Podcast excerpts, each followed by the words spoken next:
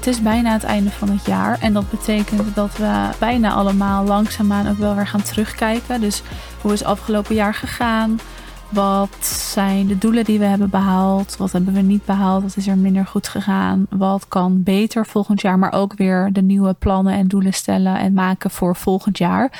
En ik vind eind van het jaar altijd wel een lekkere periode. Ik kies er zelf voor om eind van het jaar niet een sprint te trekken, maar te vertragen en gewoon even te kijken en ruimte te creëren. En dus terug te kijken, oké, ja, hoe is het gegaan? En wat zijn de doelen voor het volgende jaar? Ook hè, met oog op het omzetdoel. Wat was het doel dit jaar?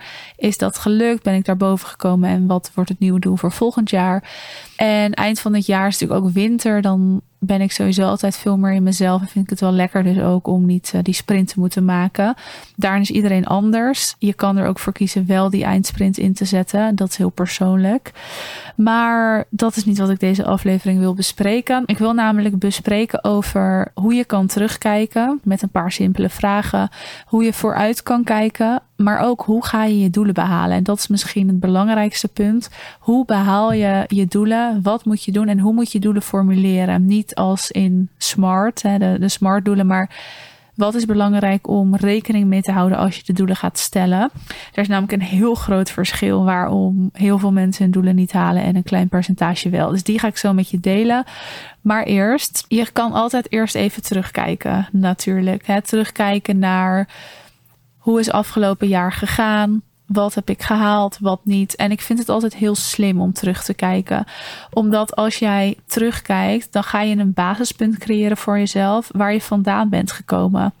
Dus afgelopen event heb ik aan de deelnemers gevraagd om twee grote succesmomenten voor zichzelf op te schrijven van afgelopen jaar. Dus wat hebben ze behaald? En ik zei bewust twee, omdat je dan twee punten gaat neerzetten op de route die je al hebt bewandeld. En dat je dat dus als basispunt kan nemen. Daar ben je al voorbij gegaan. Dat zijn de momenten die je al hebt gehaald. En dat is fantastisch natuurlijk. Hè? Daar mag je bewust bij stilstaan. Dus het is heel goed als je terugkijkt om een aantal grote succesmomenten eruit te pikken. En wat heeft het meeste teweeg gebracht in je bedrijf of in jezelf? Wat was het omslagpunt en waar kwam dat door? Dus grote succesmomenten en die op te schrijven. Dat is namelijk onderdeel van de route die je al hebt bewandeld in je bedrijf. En als je dat doet, dan kan je dus ook terugkijken en nogmaals dat als basispunt nemen. En vanuit daar voelen vaak de volgende doelen ook veel dichterbij. Omdat je dus ook kan zien, oké, daar ben ik vandaan gekomen en dat heb ik al gehaald. En nou ja, dan is er dus nog veel meer mogelijk in de toekomst. En je kan terugkijken door jezelf drie hele simpele vragen te stellen. Natuurlijk, de meest voor de hand liggende: welke doelen had je en welke doelen heb je bereikt? Dat kunnen financiële doelen zijn, dus over je omzet kan dat gaan. Maar wie weet is het wel een switch die je hebt gemaakt in je bedrijf. Misschien zijn het doelen rondom het lanceren van een aanbod of nou, het kan zijn rondom het aantrekken van een droomklant. Dus dat kan. En welke doelen had je en heb je bereikt? Je kan jezelf ook afvragen welke uitdagingen heb je overwonnen. En ik vind dit een hele mooie vraag. We hebben gewoon allemaal uitdagingen. Dat is logisch. Hè? Als mens, als ondernemer, iedereen heeft met uitdagingen te maken. En het is heel mooi om eens te kijken, oké, waar ben ik eigenlijk doorheen gegaan? Welke uitdagingen had ik en heb ik overwonnen? Ik had laatst een gesprek met een klant en zij heeft een live dag georganiseerd en voor een groep kunnen spreken. En zij zei, ik had zo'n presentatieangst en ik dacht dat ik dat niet kon. En dat is dus een uitdaging die zij had en die ze nu heeft overwonnen. En waarin ze dus ook heeft ontdekt, oké, het is helemaal niet zo eng en spannend als dat ik dacht. Maar dat is een hele mooie uitdaging. En daar mogen we wel bewuster bij stilstaan dat er uitdagingen zijn die iedereen heeft, maar waar je doorheen gaat en die je overwint. Want dat kan echt een heel belangrijk succesmoment zijn. En kan heel veel teweeg brengen. Je kan jezelf ook afvragen, de derde vraag, welke positieve feedback heb ik ontvangen van bijvoorbeeld je team, van mensen om je heen, van vrienden, van je klanten. En ook dit vind ik een hele mooie vraag, want het kan een hele mooie indicator zijn. En ik weet voor mezelf nog, afgelopen jaar in april was het eerste event van dit jaar dan. En na dat event kwam er iemand naar mij toe en die zei Mies, wat heb je gedaan? Uh, die was er het event daarvoor ook bij. Het event daarvoor was die oktober. En dat was dus oktober 2022. Moest even goed nadenken. Maar oktober 2022 en toen april afgelopen april. En die persoon zei tegen mij: Wat is er veranderd? Kijk hoe groot de groep in één keer is. Je stond daar. Er is echt ontzettend veel veranderd in hoe jij daar staat, in wat je hebt verteld, in de kennis die je hebt. En dat was pas het moment dat ik me even bewust werd van wat er die afgelopen maanden was gebeurd. In die maanden was er heel veel gebeurd, privé, maar ook zakelijk. He, veel groei, veel uitdagingen ook overwonnen. Maar ja, er was gewoon heel veel groei. En ik werd me daar eigenlijk pas bewust van toen iemand mij dus die feedback teruggaf. Positieve feedback. En die dat dus tegen me zei. Dus het is ook best wel goed om dus eens terug te kijken en te bedenken: oké, wat hebben mensen tegen mij gezegd? En is daarin iets waar ik me eigenlijk nog niet zo bewust van was, maar nu dus wel kan worden. Dus dat is ook wat je jezelf kan afvragen. Welke positieve feedback heb ik ontvangen? En op die manier kan je heel simpel het jaar gaan bekijken. En je kan het ook even per kwartaal doen. Dus uit elk kwartaal één groot succesmoment plukken aan de hand van deze drie vragen. En als je dat dan doet, dan ga je dus een basispunt creëren. Een basispunt om naar een volgend succes toe te bewegen. Want dat volgende succesmoment, dat heb je natuurlijk weer zelf in de hand. En je kan zelf bepalen wat dat volgende succesmoment of wat dat volgende doel gaat worden. En je hebt dus ook zelf te bepalen wat dat gaat worden. En je moet dat doen door eerst dus een basispunt te creëren. En daarna de volgende bestemming. Ik heb het al eens eerder in een podcast gezegd, een van de laatste. Maar ik zie het ondernemerschap een beetje als een roadtrip. Een roadtrip die nooit stopt. En je gaat van bestemming naar bestemming. En elke bestemming, dat is een doel. Een nieuw doel wat je stelt. Een nieuw succesmoment. En als jij dus kan zien waar je vandaan bent gekomen. En welke bestemmingen je al hebt gehad. En als je dus voor je kan kijken dat die weg gewoon niet stopt. En dat er nog zo ontzettend veel succesmomenten op je liggen te wachten. Dan is dat best wel een verademing. Dat is best wel even uitzoomen en zien. Oké, er staat nog zoveel op me te wachten. En ik kom al van zo ver. Het maakt ook niet uit als het een keer wat langer duurt. Het maakt ook niet uit als ik een keer wat oversla. Het maakt ook niet uit als het sneller gaat dan dat ik dacht dan is het eigenlijk allemaal oké. Dat geeft best wel een rust. En ja, die roadtrip die stopt dus nooit. En in die roadtrip heb je dus zelf je bestemmingen te bepalen. En die bestemmingen zijn dus je volgende succesmomenten. Dus de vraag die je daarna kan stellen is: wat is dat volgende succesmoment? En ik raad je aan om dan te kijken naar wat is het volgende succesmoment over zes maanden.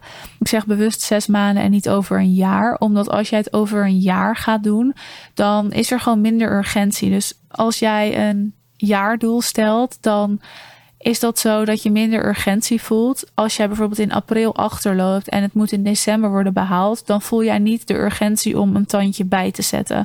Dan moet je dat dus eind van het jaar gaan doen. En eigenlijk wil je eind van het jaar juist dus vertragen en terug kunnen kijken. Terwijl als jij het in juni bijvoorbeeld moet halen en in april loop je achter, dan voel je wel die urgentie. Dus dan ga je ook dat tandje bijzetten, waardoor je gewoon je doelen makkelijker kan behalen. Dat is dat als even kleine tip. Stel altijd een half jaar doel of een kwartaaldoel maar split ze op in kleinere delen, niet over een jaar. In ieder geval, dan mag je dus gaan kijken naar die volgende doelen. En eigenlijk kan je dat doen door dezelfde drie vragen aan jezelf te stellen. Dus welke doelen wil ik nog behalen? En dat kan ook weer omzet gerelateerd zijn. Welke uitdagingen wil ik nog overwinnen? En welke positieve feedback wil ik nog ontvangen? Het zijn gewoon drie basic vragen die je jezelf kan stellen om weer zo'n nieuw succesmoment te creëren. En als je dat hebt bepaald, dan heb je eigenlijk één ding te doen. En dat is om van die doelen een positieve obsessie te maken. En obsessie is een negatief woord. Ik zeg bewust positieve obsessie. Maar het is zo dat 70% van de doelen die worden gesteld niet worden behaald. En dat is echt een groot aantal, een groot percentage. En dat is best wel te bizar voor woorden. Dat er dus 70% van de mensen die een doel stelt, dat die 70% na een paar weken denkt: laat maar zitten en ik veeg hem weer van tafel. En dat is niet zo dat die 70% het niet haalt, omdat ze geen afspraken na kunnen komen. In eerste instantie is het zo dat als wij gaan werken aan een nieuw doel, dat we in eerste instantie alleen maar nadelen ervaren. Dus we ervaren de nadelen van het behalen van een doel. Kijk maar naar de nieuwjaarsdoelen, bewegen en gezond eten. In eerste instantie moeten we suikers vermijden, moeten we veel bewegen, gezond koken, na een lange werkdag nog gaan bewegen. Daar hebben we gewoon geen zin in. En we ervaren alleen maar de nadelen en we zien nog geen voordelen. Als we in het ondernemersbubbeltje kijken en de 10k-doelen gaan bespreken. In eerste instantie moet je heel consistent zijn. Moet je bepaalde acties dagelijks uitvoeren. Moet je nee zeggen. Moet je keuzes maken. Het is helemaal niet leuk hè, om in het begin dat doel te gaan behalen. De voordelen komen pas later. En het grootste percentage die gaat dus niet door die nadelen heen zodat ze de voordelen kunnen behalen. En dat is niet gek, want onze natuurlijke reactie is ook gewoon stoppen. Als er nadelen zijn ergens, dan zegt ons systeem gewoon: we kappen ermee. Want ja, waarom zouden we doorgaan? Super logisch ook, hè? want als iets vervelend of stom is, dan gaan we niet door. Nee, dan stoppen we ermee. Maar in dit geval is dat dus eigenlijk de verkeerde keuze, omdat je door moet gaan totdat je eindelijk die voordelen ervaart. De reden dat dat percentage niet door de nadelen heen kan, is omdat ze een doel hebben opgeschreven vanuit een rationeel verlangen, vanuit ons hoofd. Het is heel makkelijk om een doel op te schrijven en argumenten te geven. Ik kan heel goed zeggen waarom ik gezonder zou willen eten en meer zou willen bewegen. Zou ik me fitter voelen, lekkerder in mijn lijf zitten? Ben ik ook oprecht gezonder? Meer energie? Dat kan ik allemaal zeggen, maar dat is allemaal met mijn hoofd. En ook die 10k-doelen. Ik kan heel goed vertellen waarom ik dat wil behalen. En meer ruimte in mijn bedrijf. Kan ik terug investeren? Kan ik weer harder groeien? Kan ik een bepaalde leefstijl aanhouden? Ja, allemaal argumenten met mijn hoofd. Dus dat komt vanuit een rationeel verlangen dat we doelen opstellen. En dat is wat we meestal doen. Maar de kunst van het stellen van doelen en van ze ook behalen, is dat je naar een soort vurig verlangen gaat, een emotioneel verlangen. En dat je dus ook met emotie een doel gaat bepalen. En dan kan je hem pas behalen. Dus als jij een doel gaat opschrijven, dan mag je jezelf echt afvragen: waarom wil ik dat? En dan is het woordje ik daarin heel belangrijk. En waarom wil ik dat? Dus dat je echt gaat bedenken waarom wil jij dat doel behalen? Wat zit daarachter? Welk gevoel heb je daarbij? Wat is die kriebel in je buik? Zodat je door die nadelen heen kan en vanuit daar de voordelen kan gaan ervaren en dus je doel kan behalen. Maar als jij nu dus merkt dat je vaak doelen stelt, maar ze niet behaalt, dat zit hem echt hierin. Omdat je dus in eerste instantie gewoon de nadelen ervaart. En onze natuurlijke reactie is stoppen. En als je daar doorheen wil, dan moet je echt een doel gaan ja, voelen. Emotie daarbij gaan creëren. En dus ook echt bedenken waarom jij dat wil. En ook niet waarom een ander dat wil. Want we zijn natuurlijk als mensen uh, een beetje schapen. We hebben een beetje schapengedrag. Dat is heel normaal en dat zit gewoon in ons systeem. Maar we volgen graag andere mensen, want dan zal het wel goed zijn. Dus ook die 10k-doelen, ja, dat lijkt soms wel een beetje de norm, maar waar slaat dat eigenlijk op? Dus waarom wil jij dat? Wat wil jij daarmee? Wat betekent dat voor jou? En niet omdat de rest dat doet. Hè? Want dat is trouwens iets wat we niet tegen onszelf zullen zeggen. We willen het halen omdat de rest het doet. Maar het is wel heel vaak zo dat dat er toch een beetje achter zit. Alsof het een soort sociale norm is geworden. Net als dus met bewegen en gezonder eten in het nieuwe jaar. Is toch altijd een beetje een sociale norm om dat dan maar allemaal als doel te stellen en te gaan doen. Sportscholen zijn hartstikke druk in januari en in februari zijn ze weer leeg. Dus allemaal rationeel verlangen en vanuit je ratio een doel stellen. En dat wil je voorkomen. Dus dat is ook echt de reden waarom een groot deel ja, hun doel niet behaalt. Wat ik zelf met mezelf afspreek, en dat is, uh, ja, dat klinkt heel makkelijk, maar dat is ook heel makkelijk, is letterlijk niet lukken is geen optie. Niet lukken is geen optie. Ik zorg ervoor dat ik de juiste mensen om me heen verzamel, dat ik de juiste acties ga uitvoeren, dat ik de juiste strategieën inzet.